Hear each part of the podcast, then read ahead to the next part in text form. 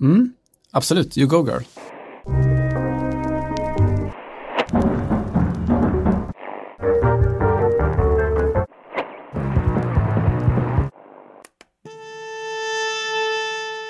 Vi som bor där lever i en helt otrolig blandning av olika kulturer. Fransk, afrikansk, asiatisk, arabisk. Varenda hörn av jorden. Folk utanför Frankrike pratar alltid om de franska förorterna, les banlieues, på ett negativt sätt.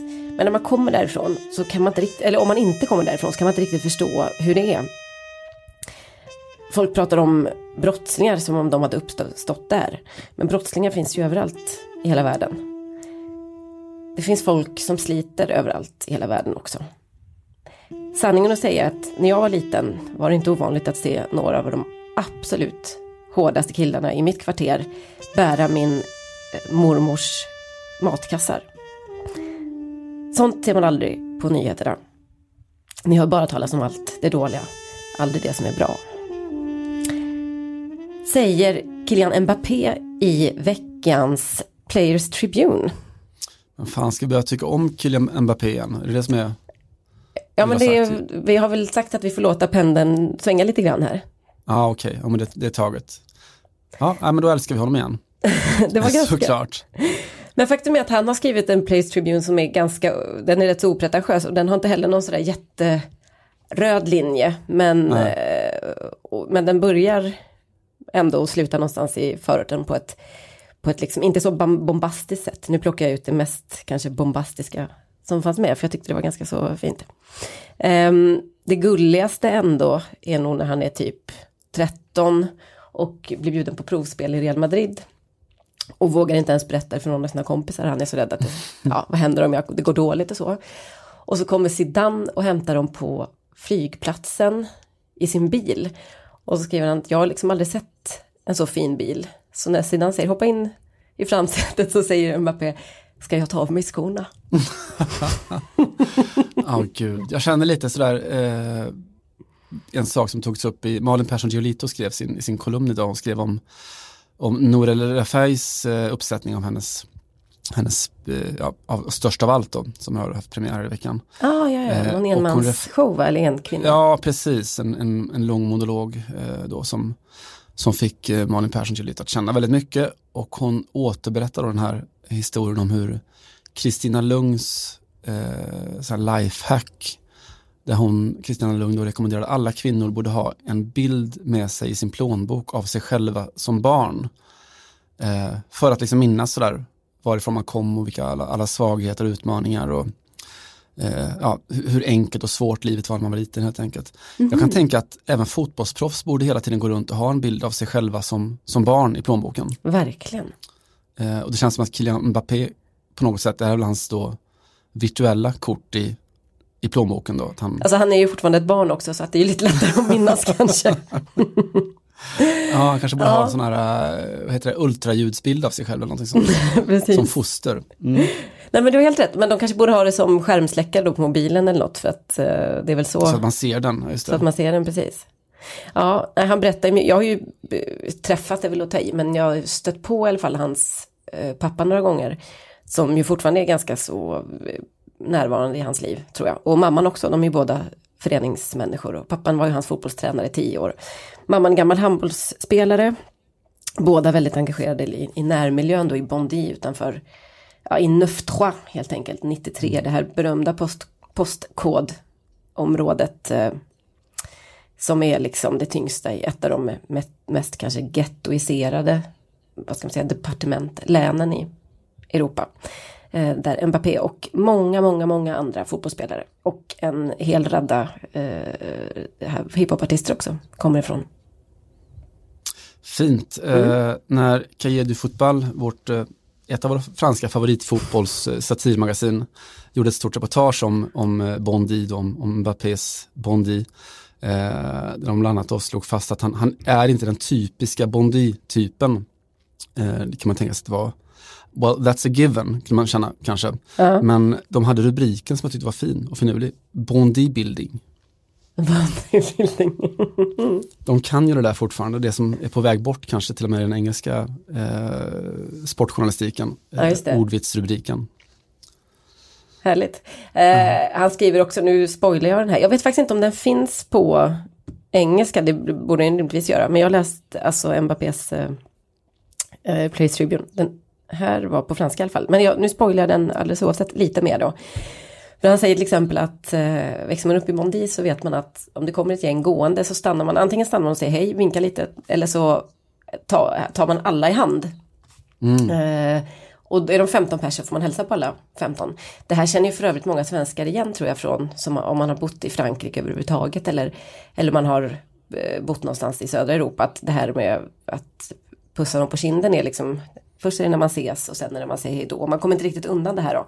Men det här är liksom ännu mer eh, accentuerat i förorten och att det är liksom en sån väldigt mycket en respektgrej. Mm. Och han berättade att jag var så van vid det så att när jag var på, eller när han var på Ballon d'Or-galan något år och såg José Mourinho på lite håll och tänkte jag måste fram och, och presentera mig och säga hej, det är Mourinho.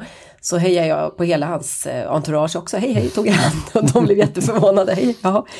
Um, ja, det är lite gulligt att de, han har plockat fram lite sådana här grejer som, som sitter i. Jag undrar för övrigt hur mycket deras, de här redaktörerna på Place Tribune hjälper till och, och liksom locka fram de här grejerna. De alltså, känns ju som genier alltid när de ska berätta hur Ja, gud, jag att de, de eh, kanske får en lista på tio stycken ämnen som man skulle kunna tänka sig att prata om, varav mm. Sju stycken är hur, hur kul det är med Playstation, eller så, eh, mm. säger jag fördomsfullt. Och sen så skannar de väl upp att jo, men det här med barndom låter, låter bra.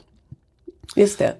Eh, nej men det är ju alltså alldeles oavsett förutsättningarna som de har som är såklart är helt annorlunda väsensskilda från den vanliga journalistiken som väl alltid på något sätt bär någon slags konfliktsituation i sig. Så gör de det väldigt bra, att de får fram just den här, eh, de här berättelserna. Mm. Eh, det är alltid nästan, tycker jag, bra läsning. Ja, jag håller med. Och att man kommer med. väldigt nära. Ja, men verkligen. Vad, hur är läget med dig? Vad har hänt sen sist?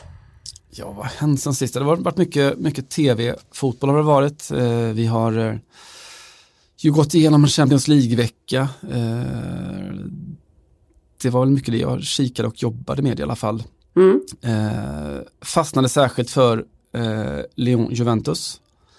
Mm. Juventus. Eh, Coronaderbyt. Ja, det var lite, jag blev lite så super mig själv för att jag hade, vi hade någon sån här enkätfrågestund eh, här på tidningen kring då man skulle berätta vilka som kommer vinna Champions League och sådär vad man tror och allt och hur det går i matcherna. Och, eh, vi ombads ju där varna vilka, vilka är det som kan bli årets Ajax Eh, och det slog mig efter publiceringen, men varför inte OL egentligen? De är ju ändå ganska lika på vissa sätt i det här med att det är så otroligt ungt fotbollslag som är kanske bäst när de får kontra lite grann. Mm.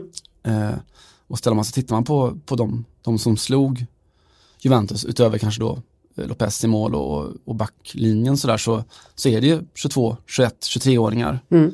Eh, Bruno Gimares var väl bäst på plan. Eh, den Juninho-värvning som väl på sätt och vis ensamt gör hela Juninho-experimentet värt det. Så han är 22 bast och hade Juventus i fickan hela första halvlek. Mm. Det var kul. Jag, jag och sen var, inte, den här matchen gick väl samtidigt tror jag som Real Madrid-Manchester City så jag, jag, tror att jag har så giltigt förfall eller vad, vad kallas det? Men... Ja, det får man väl säga. Har du målsmans intyg? Alltså? så heter jag. Det är väl motsvarigheten. Eh, nej men du missar väl någonting, framförallt första halvlek när, eh, när OL var så väldigt, väldigt bra. Och sen Awar som vi pratade om förut, som fortfarande inte är mer än, kan vara 21. Eh, också helt briljant och mm. lysande. Så det är kul, men Lyon, roligt i veckan av fler skäl än ett. Eh, Jean-Michel Aulas, våran gamle presidenthjälte, har ju tappat det lite. Eh, och det är väl det som Frankrike mångt och mycket, i alla fall före den matchen, pratade om. Eh, han tröttnade på att eh, tränaren Rudi Garcia blivit så oerhört hånad på, på nätet, massa sådana här eh, memes då, att han utmålas som en clown och hånas på det sättet och till slut så går då klubben ut och säger att från och med nu så kommer vi stämma alla som hånar spelare eller ledare på det här sättet. hej, hej, hej yttrandefrihet. och hej 2020. Eh, Ja, det var ju såklart Det är väldigt mycket så här, Xi Jinping över det där. Har han, har han varit på någon studieresa i Kina och bara så här, så här kan man göra, att jag inte har tänkt på det. Det kan ju lätt vara Man kan också face recognition alla kritiker. Det är mycket, mycket bättre. Ja, det är så otroligt, otroligt oslukt av en annars väldigt... Eh, alltså det spännande med Olas tycker jag är att alltid när han blir supporter så blir han ju dum i huvudet. Ja, Är han visionär så är han, är han briljant och en stor liksom, klubbbyggare och, och sådär. Men så ibland så kommer liksom supporten fram i honom och då är han alltid dum i huvudet. Ja, det kan nog stämma. Alltså, han är också alltid dum i huvudet när han bråkar med PSG. Alltså inte för att man inte gillar det liksom, men, men han, kommer ju, han förlorar alltid de bataljerna på något sätt. Eh, för att det är alltid så himla mycket avundsjuka som lyser igenom. Alltså han vill han anklagar dem för det ena och andra. De, liksom, de do- dopar fotbollsekonomin och de fuskar med alla sina investeringar och så. Men det är så himla uppenbart att han hade gjort exakt samma, att han till exempel gör exakt samma sak med sitt damlag sedan typ tio år. Man bara såhär, du har investerat så mycket pengar och prestige i ditt damlag. Eller din, ja, din damsektion, vilket vi är evigt tacksamma för såklart. Så att du har gjort eh, Lyon på damsidan helt oslagbara. Det finns liksom inte, det går inte riktigt att och gnälla då på andra lag som gör det bara för att det är på herrsidan. Nej, ja, det, det är så otroligt fascinerande och jag tycker nästan mer om honom när han är dum i huvudet än när han är, när han är duktig och sval och kall i sitt beslutsfattande. Så. Sen så tycker jag om att han också är väldigt relativt tillgänglig. Jag vet att jag såg honom på tåget någon gång efter en Lyon-match. Han måste väl också åkt till Paris av någon anledning och står i bistron och liksom tuggar med supportrar och verkar tycka liksom att det, det var inte något, det var liksom inte en obehaglig situation utan det är liksom en del av hans, tror jag, syn på hur det ska gå till. Mm. Ehm, Ja. ja, en, en man Nej. som är värd eh, mycket. Men det här kanske var lite att ta sig vatten över huvudet då. Ska Vad tror du att det ledde till när de gick ut med den här varningen då att de skulle stämma alla som spred clownbilder på nätet? Hur det gick till? Nej, vad tror du att det ledde till? Jaha. Jag... Tror du att det blev mindre Nej, clownbilder det kändes som att det kanske blev så här större clownnäsor på Rudi Garcia. Möjligen då på Det kanske eventuellt blev det. Ja, eh, men i alla fall, sen står de då i Juventus med 1-0 och så är de hjältar igen och det var ju en jäkla tur kan man tänka då. Eh, det tunnade väl ut lite, men inte helt. Och nu gör jag ett litet sånt där återtåg och plingar in veckans WAG här igen. Ja, Eh, för ett par timmar efter matchen då, 1-0 till Lyon, superhjältar eh, är halvvägs i alla fall till att slå ut mäktiga Juventus. Då tänker Kelly Mendes, alltså Thiago Mendes fru, eh, in på Instagram. Eh, grejen då är att Thiago satt på bänken mot Juventus och hon väljer då att ja, gå Changa Forsberg helt enkelt. nu har du också drabbats, du förlåt mig, den här journalistsjukan, hon väljer att, så det håller vi på väldigt mycket med. Och sen valde han att hoppa av och så vidare. Ja, hon går Changa helt enkelt. Mm. The benefit of doubt. ja, precis. Eh, ja, hon går Changa fullt ut och det, då, då spelar det liksom ingen roll om man ska veta att, att Bruno Gimares, som jag hyllade förut och som kanske var bäst på planen, eh, är ju då den som fick platsen kanske istället för Thiago Mendes. Men då tycker Kelly att hennes kille borde spela istället. Så det hon gör är att hon på Insta lägger upp en bild på sig själv med clownmask för ansiktet. Oj, det är otroligt bra. Ja, briljant och vi får väl se lite vad det leder till då. Men det som man redan nu kan konstatera var ju att eh, OL spelade sen då i söndags sitt då stora lokalderby mot eh, saint Etienne. Ja. Jag tror att Thiago Mendes var med i truppen eller att han inte var med i truppen. ja, jag gissar att han fick inte vara med och leka. Ja. Nej. Kelly Mendes ändå. Eh, veckans Changa, veckans WAG. Fan vad fint. Jag älskar att du också kastar in det här lite i ett oväntat skede av podden. När vi liksom håller på att trampa igång.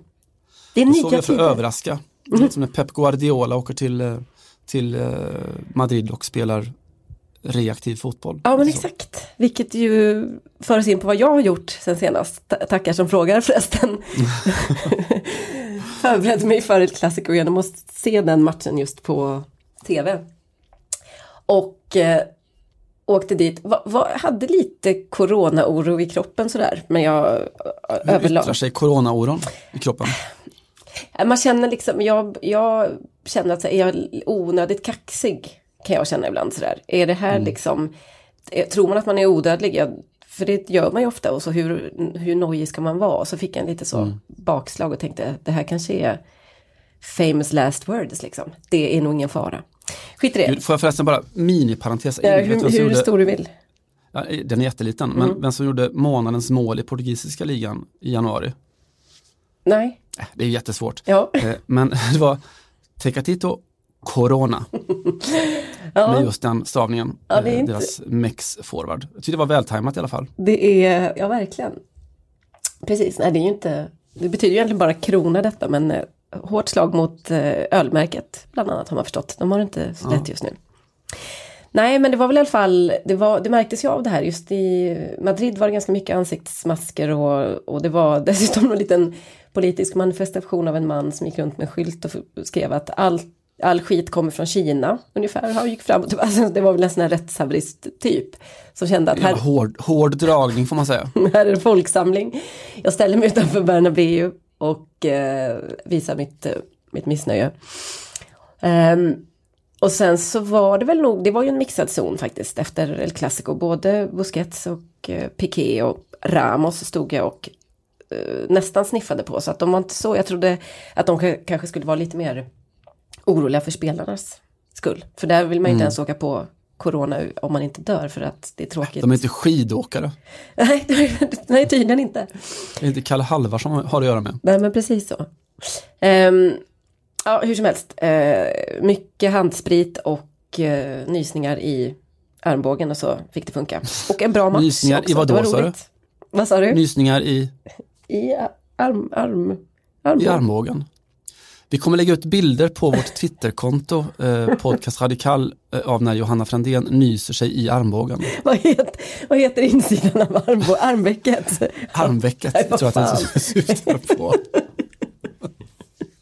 Jag tycker om det visuella i alla fall. Ta sig fram med armbågarna, nysa i armbågen och så vidare. Just det, armveckar dig fram genom tillvaron.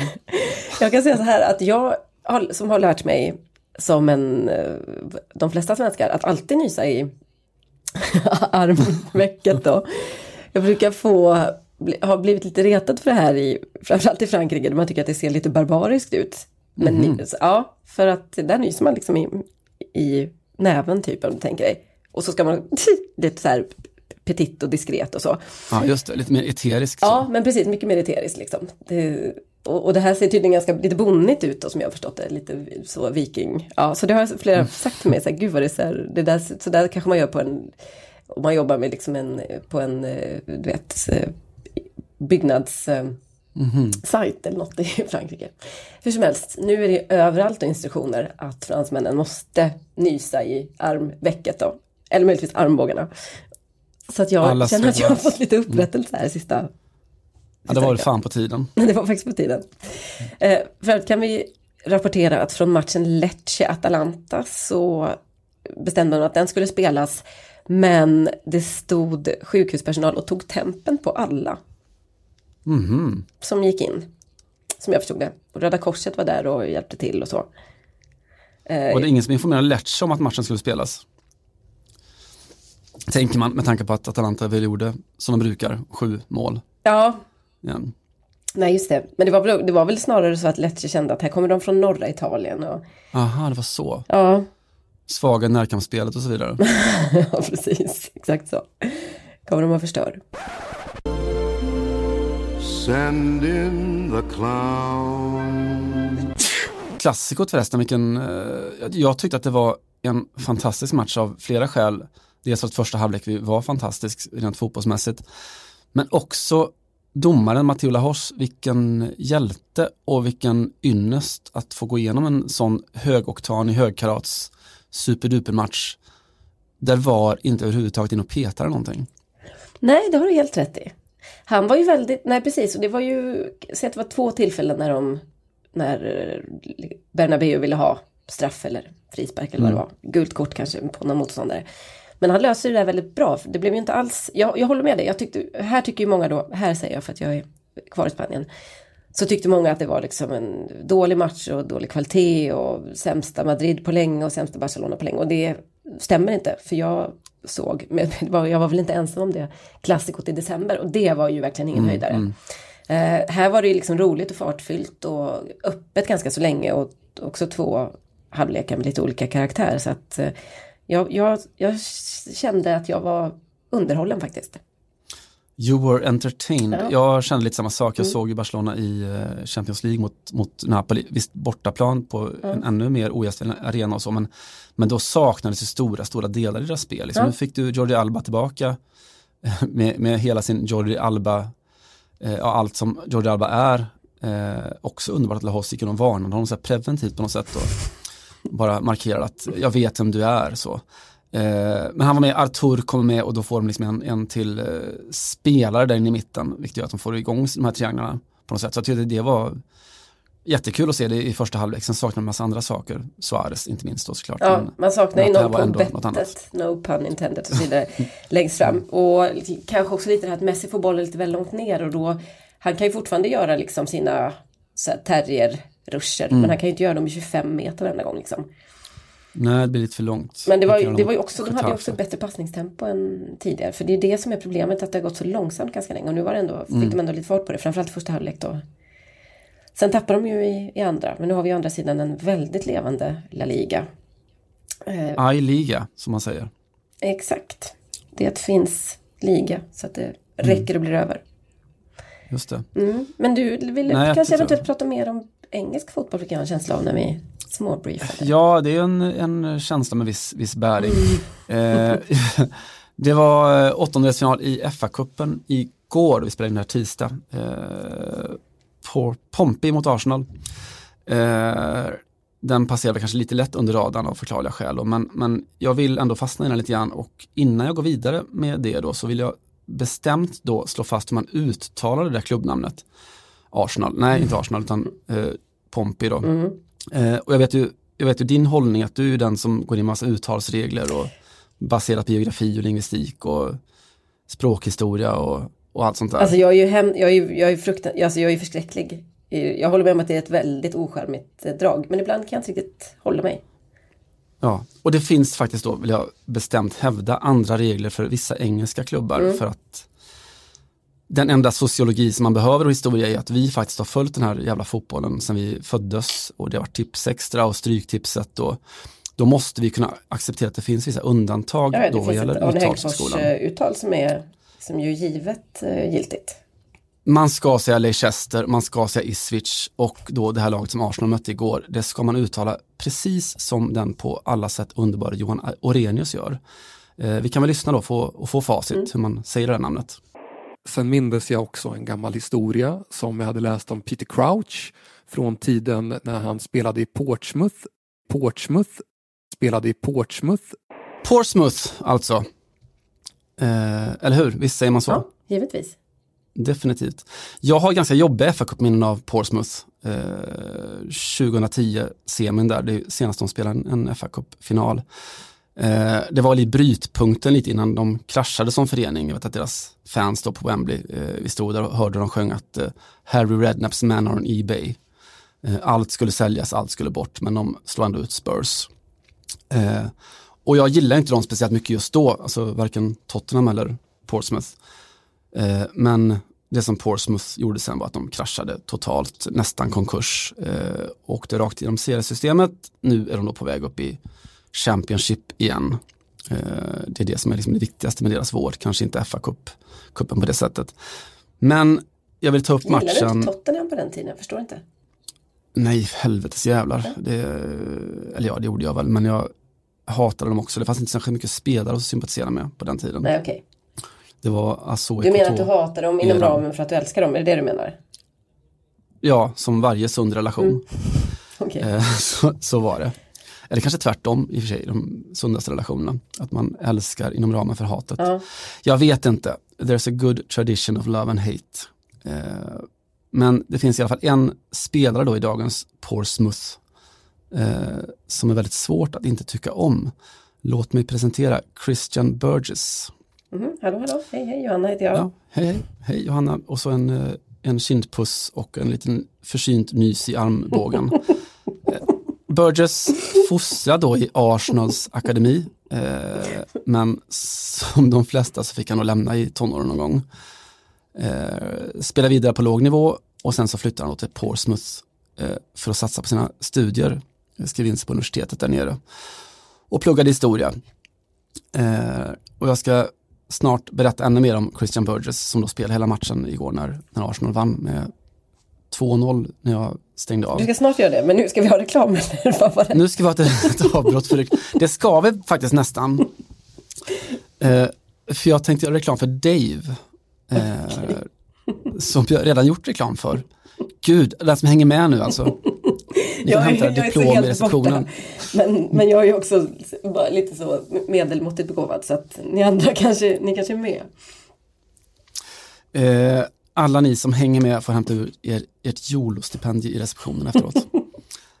eh, Dave, kanske den största då, nya rapstjärnan i England. Jag har tipsat om honom förut i den här podden. Mm. Eh, då om hans eh, psychodrama-skivan. Eh, den här Leslie-låten om kvinnomisshandel som vi spelade då. Mm. Eh, Dave eh, spelade här veckan då, eller uppträdde på Brit Awards. Englands Grammys, typ mm. kan man säga. Mm han gjorde det med en låt som heter Black då, som handlar om hur det var svart och eh, ung då i Storbritannien idag. Eh, han hade ändrat lite på texten eh, och det blev ren dynamit. Vi kan väl lyssna lite på hur det lät. Mm. It is racist, whether or not it feels racist. The truth is, our prime ministers are real racist. They say you should be grateful we're the least racist. I say the least racist is still racist.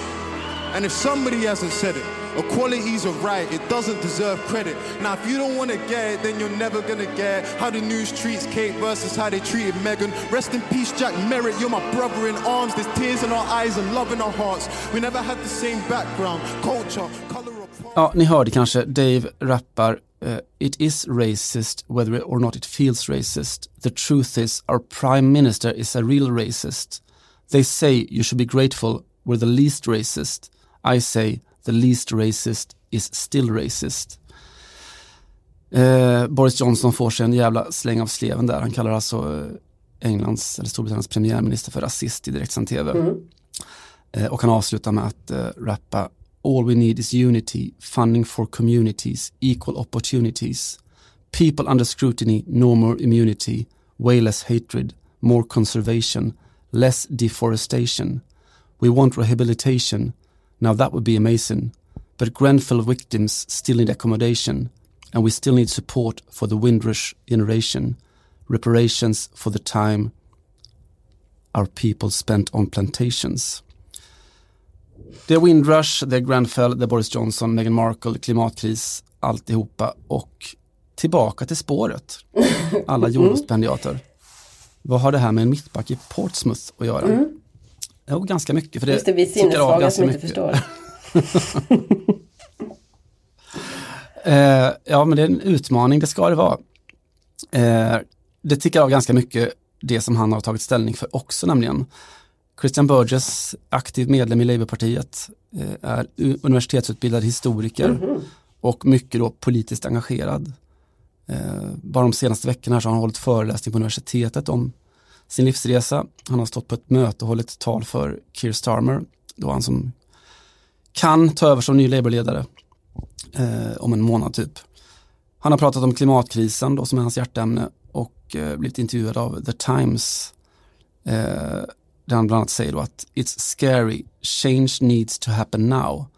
I love the oceans, it would be a dream job to work in conservation of marine life or in politics to enact real change. Football's fantastic, but it's a game, it will be over soon.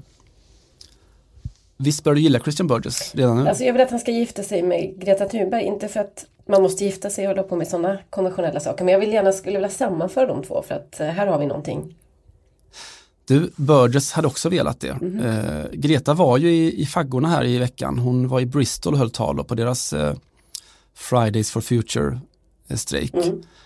Ah, vad fan, vi lyssnar på Greta också. We are being betrayed by those in power. And they are failing us. But we will not back down.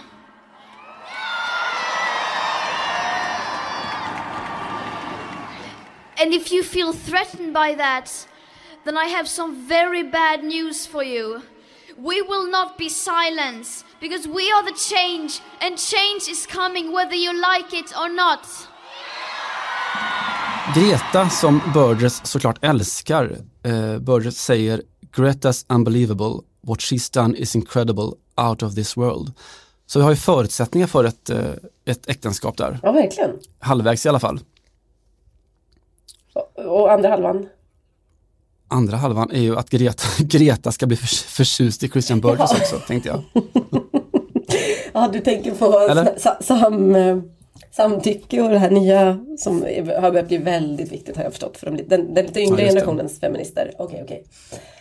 Den PK-skiten. Ja. Nej, Christian Burgess, han är den sortens fotbollsspelare, han som uppmanar sina lagkompisar att rösta eh, och får då förklara varför det är bra med högre skatter och så.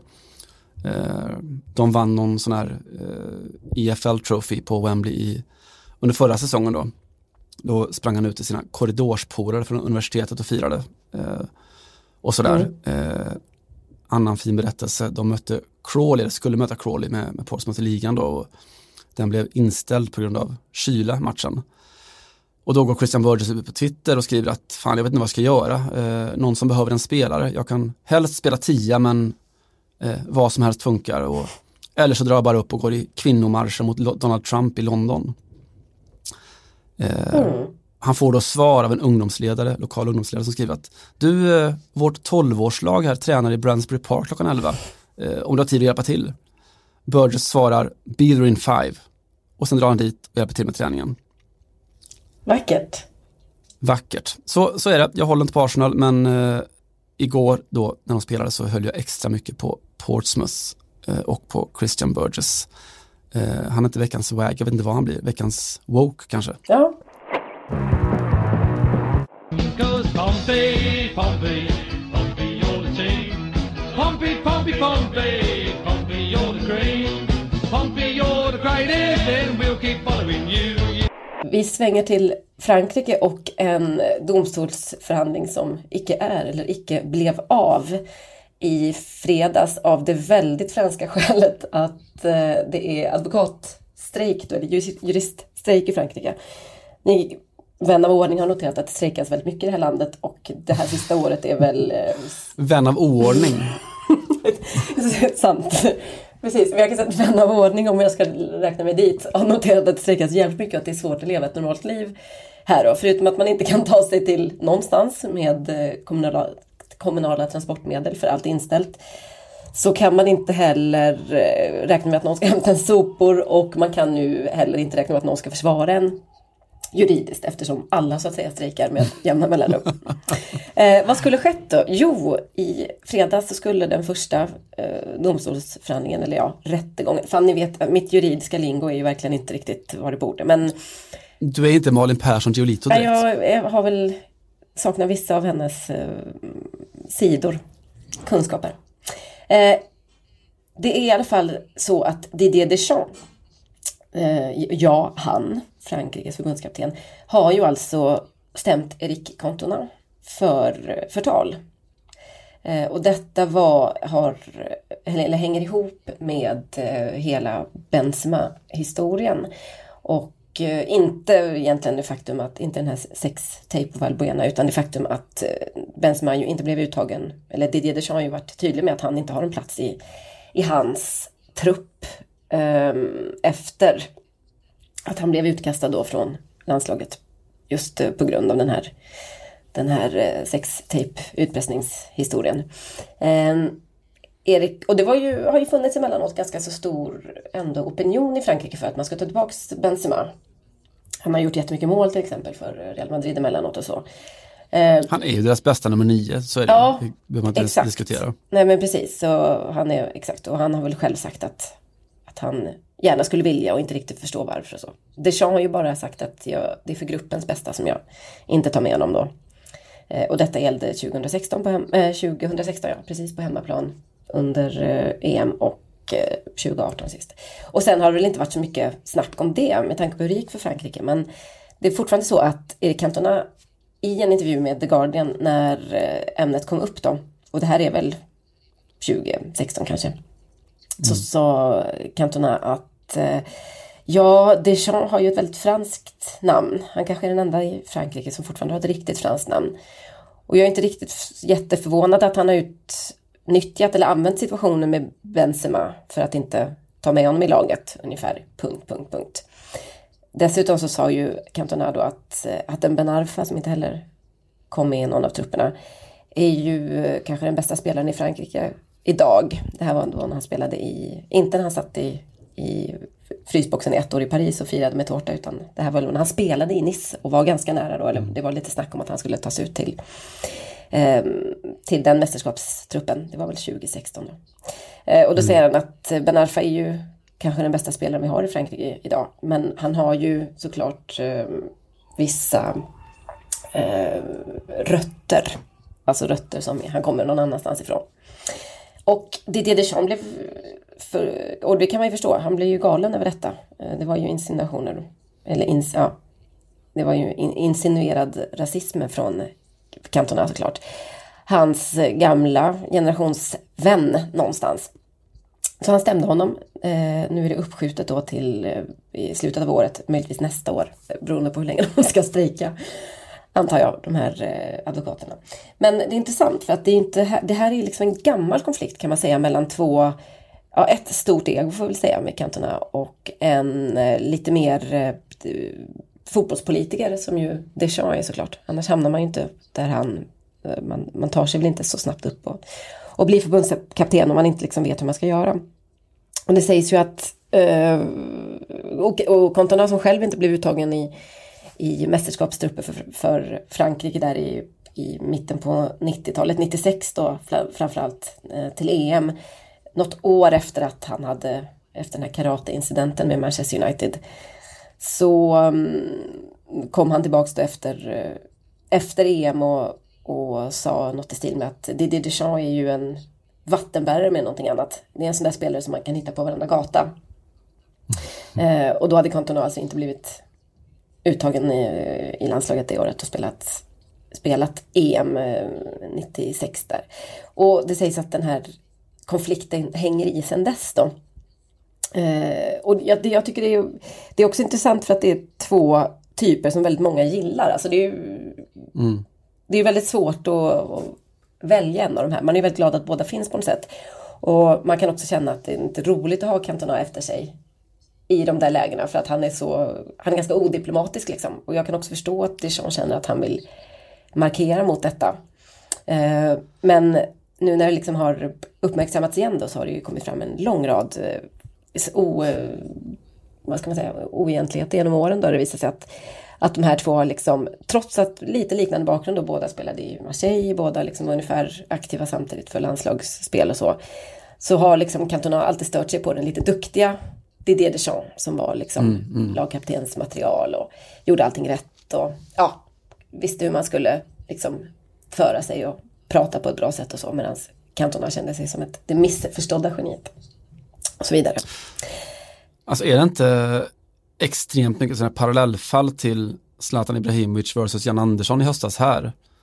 På, på väldigt många mm. sätt. Alltså dels det här som du pratar om att båda är väldigt eh, populära på något Just sätt eh, i olika rätt. Och att det kanske mest handlar om någon slags kulturkrig men som då, alltså kläs dig i orden av rasism så, så går det att försvara sig väldigt lätt mot det om man är Didier Deschamps och, och har, har växt upp på det sättet han har gjort. Mm. Och, haft de vänner han haft eller tagit ut det landslaget han har gjort för all ja, del. Eh, men att kanske känslan man får att det ligger väldigt mycket annat bakom. Det finns en stor, alltså den, gud i Frankrike mer känd än i Sverige såklart, den här debatten eller skärningspunkten mellan ja, alltså någon slags institutionaliserad rasism i hela, hela samhället så. Eh, och förorter versus eh, centralorter och, och allt det där. Eh, och att man kände samma sak i Sverige lite grann. Att, ja, Zlatan, visst, du har, du har jättemycket rätt, men du har också väldigt mycket fel i, i kanske själva tonaliteten eller, eller angreppspunkten så? Alltså jag, jag, tycker mer att, ja precis, och egentligen handlar det väl om att man inte får, an, man kan inte anklaga någon lite grann för rasism. Det finns liksom nej, inte. Nej. Mm. för att det är en så, och det ska vara en jätteallvarlig anklagelse som man verkligen får ta till om det och det finns tydliga bevis, eller ja, eller folk får väl spekulera och spåna om de vill, men man kan inte riktigt säga sådär igen. Jag tycker Deschamps gör helt rätt där, liksom. Man kan inte få det här kastat efter sig av en sån ikon som Cantona och sen bara säga nej, jag håller inte med. Jag, tycker att, jag förstår verkligen att man går till domstol och det här är det här är förtal. Jag tror att han känner precis samma frustration som, precis som du säger, Jan Andersson. Um, och kanske i Didier Deschamps fall också för att han ju har tagit ut ett extremt blandat landslag. Uh, återigen, liksom att det inte riktigt går att ha de här invändningarna och att det snarare handlar om återigen olika typer av kulturer. Alltså Jan Andersson vill inte heller ha några mm. liksom, potentiella bråk. Han, han är inte en tränare som vill ha några bråkmakare i sin eller några någon som kan liksom sätta stämningen på spel. Eh, som ju faktiskt Zlatan skulle kunna göra. Och det tror jag att Deschamps inte vill ha heller och därför säger han att för gruppens bästa tar jag inte ut Karim Benzema. Eh, det är bara det det handlar om. Det handlar inte ens om brottet eller det eventuella, mm. det inträffade utan det finns skäl och lite grann ni får lita på mig och kanske också att eh, två finaler varav en vunnen på mm. två mästerskap är, talar lite för sig självt någonstans. Men då kommer en sån där större jävel som Cantona som inte har några liksom, politiska ambitioner, eller ja, politiska ambitioner kanske han har snarare, men han har inga fotbollspolitiska ambitioner. Liksom. Han kan bränna vilka broar som helst, han vill inte ha några fina poster på något eh, förbund eller sådär och då är det liksom, då kan han vara lite artist och kasta ur sig det här och tro att det inte, ja, så kan man väl säga ungefär. Ja, och sen i Deschamps fall om man ska ta en, en skillnad mot, alltså Jan Andersson fick väl mest någon slags stöd, alltså vissa klarade av att, att uh, leta upp kärnan i, i, kritiken, att det kanske var en, en bred systemkritik snarare än en en, en anklagelse akt mot en enskild person. Ja, eller borde i alla fall ha varit. Du tänker på DNs insändarsida? Ja, exakt. Men i Deschamps fall så det, det fick ju liksom konkreta följder för honom och hans familj. Att det var folk hemma och skrev, skrev rasist eh, på hans, eh, hans hem mm. och så. Ja. Mm. Så jag tror att det har säkert också spelat in att han har varit villig att ta det så här ja. långt. För övrigt så tänker jag att juriststrejk i all ära, men visst hade Kontona tänkt att föra sin talan själv i domstolen? alltså jag måste göra dig lite besviken. Däremot hade båda som jag förstod valt um, kvinnliga advokater. Mm. Ja, mhm. vilket ju inte betyder något mer än att det var litet, tyckte jag, lite roligt. Eh, wow. Nej, han hade, nej, men faktum var att båda hade tänkt att dyka upp och sen bara i sista veckan så bestämde sig båda för att äh, min advokat får klara det här. Men det hade ju varit extra roligt att se dem båda liksom sitta där och köra kanske mm. arga leken eller stirra ut varandra. Ja, oh, gud. Eh, men nej, tydligen så hade inte Cantona riktigt tänkt att föra sin egen talan. Lite trist eh, nu när du faktiskt säger det. Det hade, man ju, det hade ja, ju varit lite mer han någonstans. Faktiskt, det hade varit en scen som hade passat honom. Just det. Det har faktiskt varit lite mer eh, Cantona i helgen eh, i helgen, i veckan, i den senaste tiden. Ehm, det var nämligen så att vår vän Vikash Dorazo, eh, före detta Lyon och PSG-spelare och den kanske mest bänkade landslagsspelaren i Frankrike genom tiderna. Han, mm. han är väl en av, det är väl han och Adil Rami som liksom har gjort hela mästerskapet utan att spela en enda minut och så. Eh, ni vet att han står på barrikaderna när det kommer till eh, kvinnor och när det kommer till eh, jämställdhet och fotboll och allt möjligt. Men framförallt så har han ju också ett ganska, numera en ganska lång politisk karriär där han i alla fall har stöttat mer eller mindre olika eh, socialistpolitiker i, på olika nivåer i Frankrike. Och också haft en, en offentlig position tror jag som, som lite hjälpreda eller adjoint som man säger. Eh, att man är liksom eh, någon form av eh, Assistent. Ja, vice kanske man kan säga, till en mm. borgmästare. I år så ställer han själv upp i borgmästarvalet i 18 i Paris. Detta har vi också pratat om tror jag. Och Eh, för ett eh, vänsterradikalt initiativ då som heter Decidons Paris.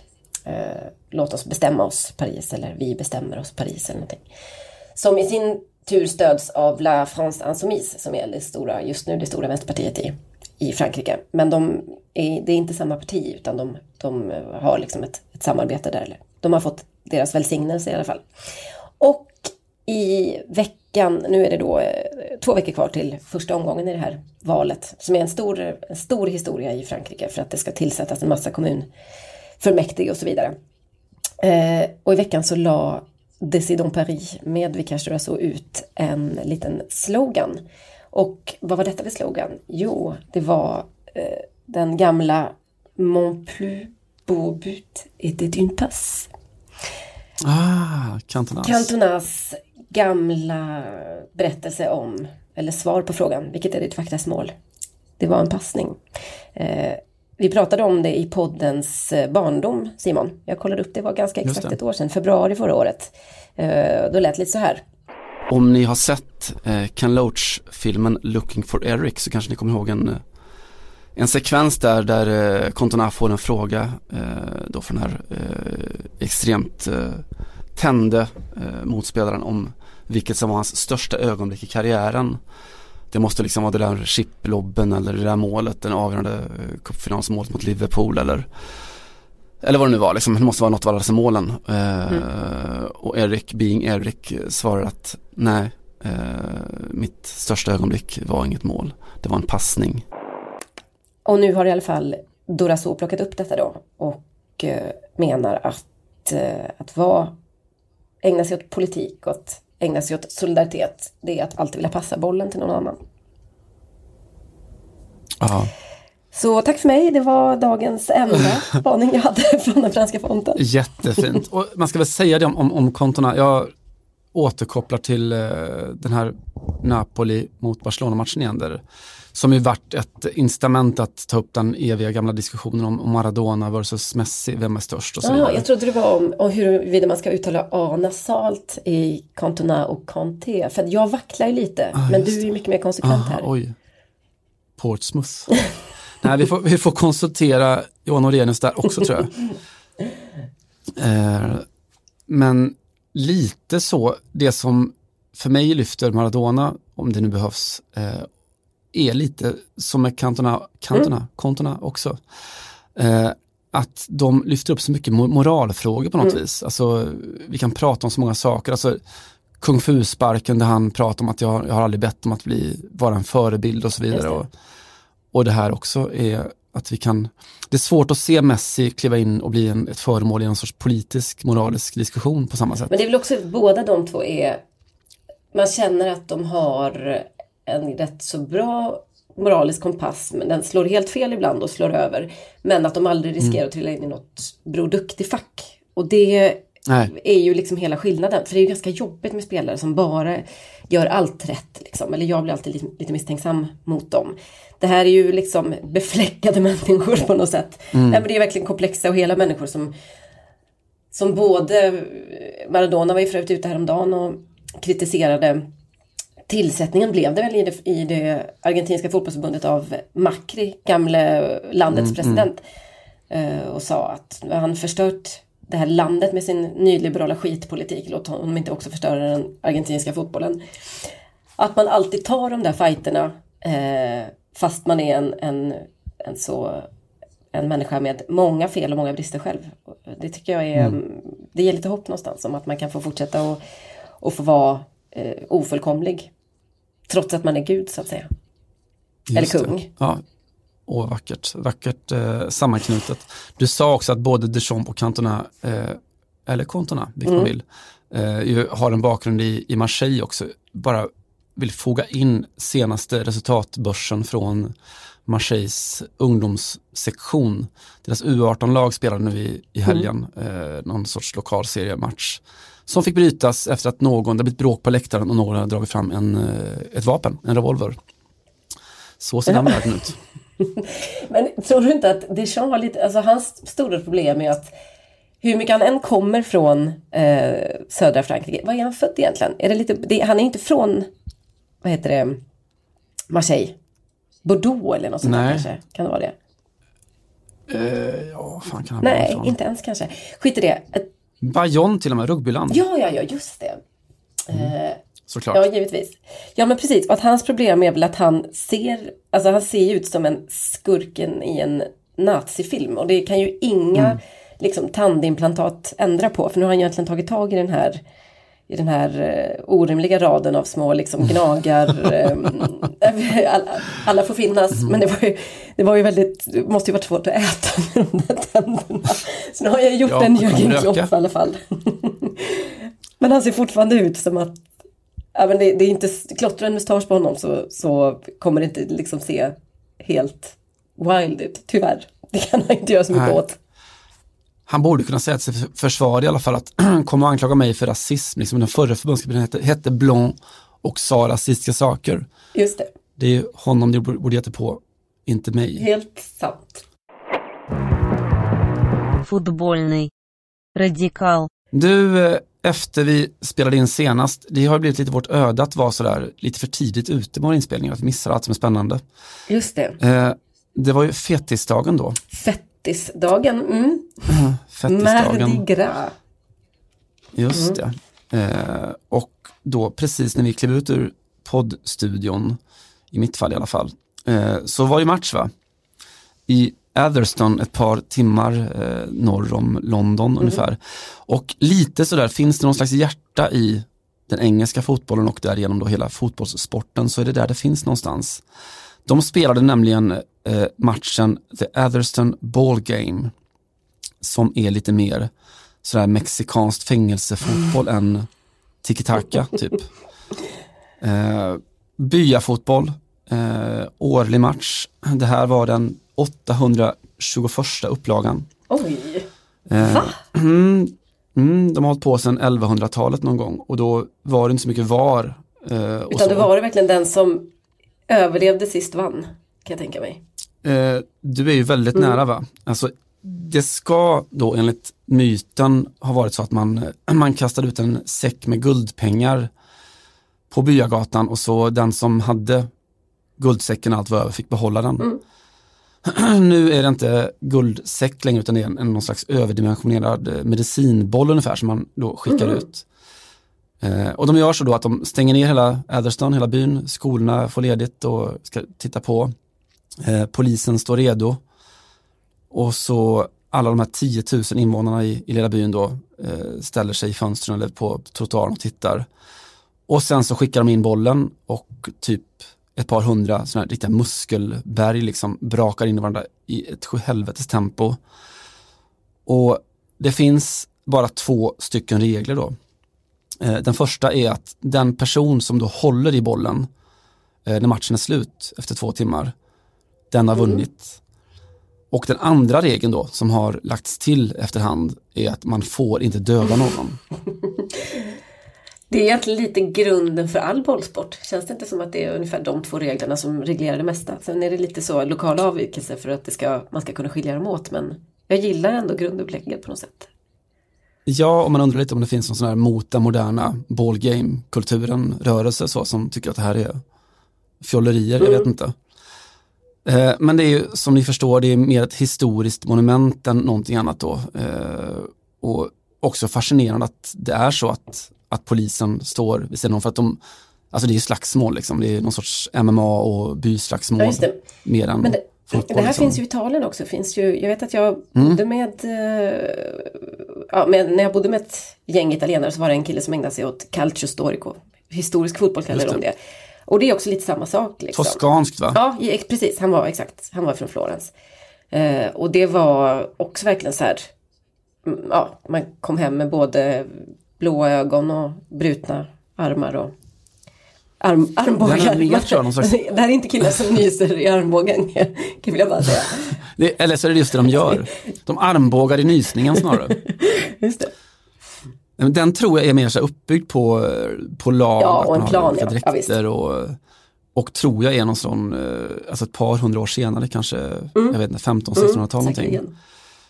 Tror jag. Det här är, eh, ja det är alltså ett, så att man sätter sig tillbaka på hur rötterna egentligen såg ut och före massa ordningar och förbud och ju.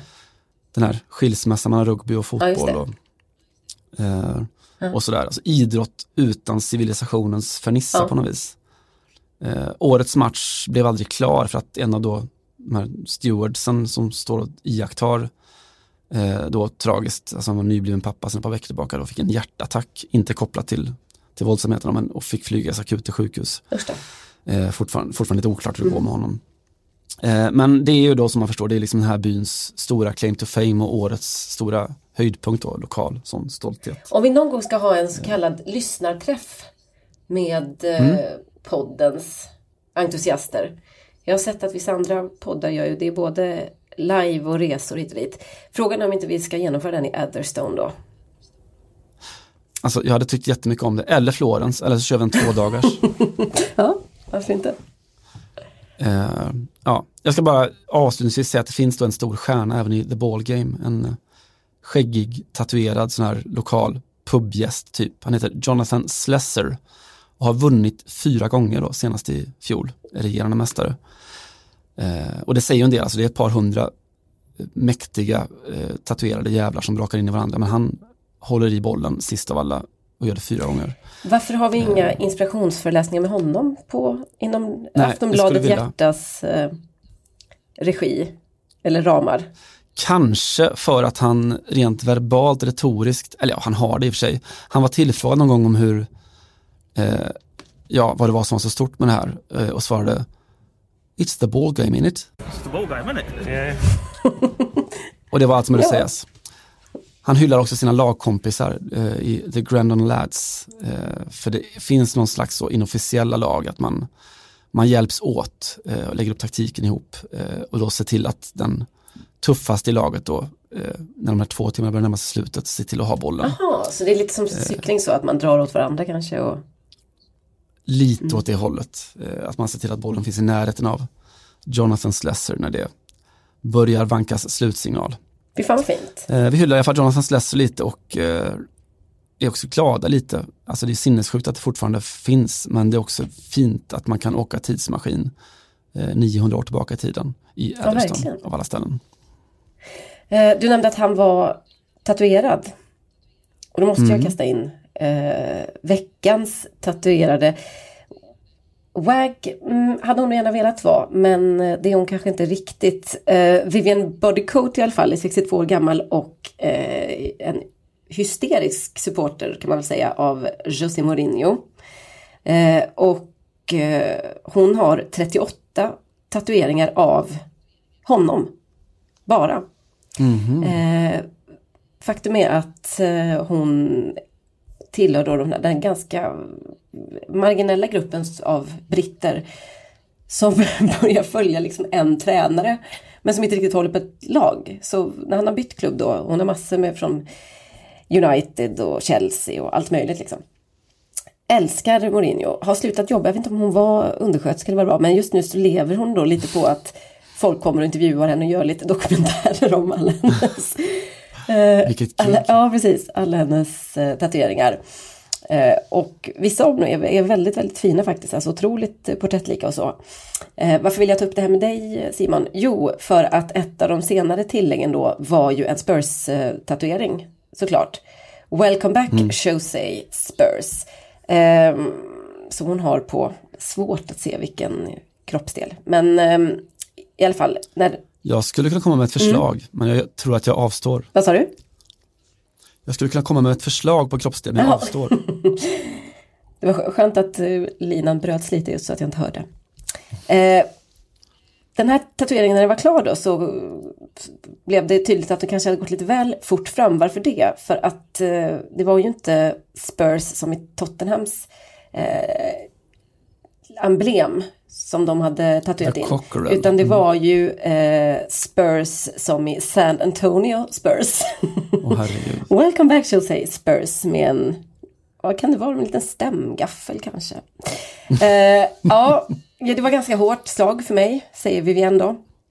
Eh, jag förstod det inte först och främst. Eh, men det, var, det är helt sant att det blev lite, gick lite väl fort fram så fort eh, media berättade att, att Mourinho var klara för, för Spurs. Och jag vet ju när jag tänker efter att den riktiga, deras riktiga logga är ju, det är ju en, en, en, liksom en boll och en liten fågel och så. Eh, jag ska göra den om några veckor eh, har jag tänkt. Eh, men jag ska ta mig tid den här gången så att, jag verkligen, så att det blir helt rätt.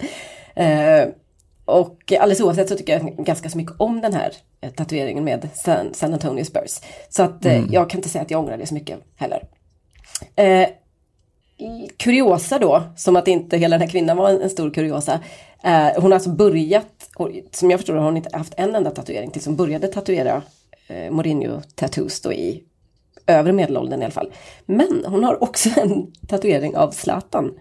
Eh, Jaha, ja. att ge upp är inte ett alternativ, menar hon att eh, Zlatan har sagt. Så det har hon tatuerat in och en bild på honom. Det är inte kanske ett av de mer kända i Sverige. Det är väl det plattaste icke-Zlatan-citatet Ja. någonsin hört va? Jag kände lite det också. Och Only God can judge me hade ju kanske varit, för det har han ju själv till exempel som tatuering. Men hur som helst. Eh, Mourinho och Ibrahimovic finns båda på samma 62-åriga brittiska kvinnliga kropp. Usch, det lät ju som att hon var ett, ett, ett lik som man hittar någonstans.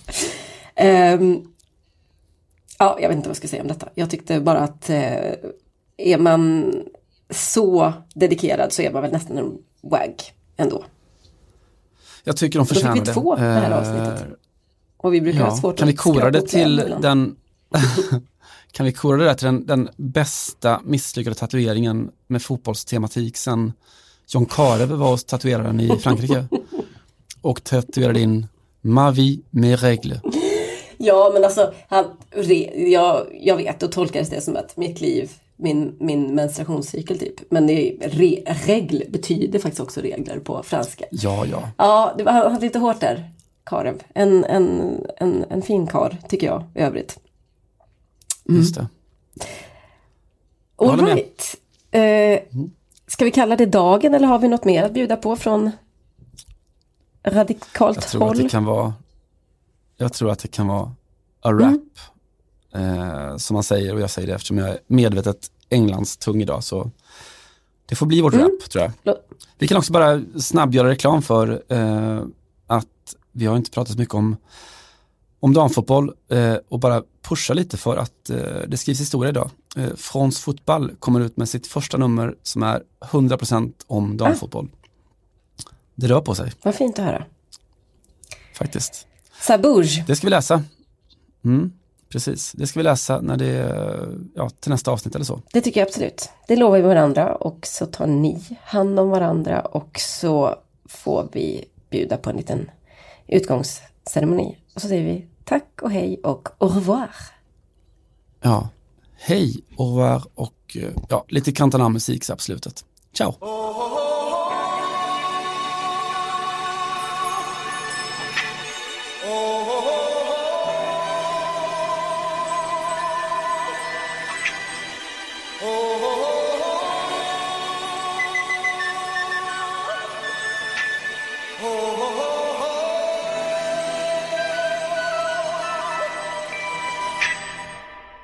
Everybody was.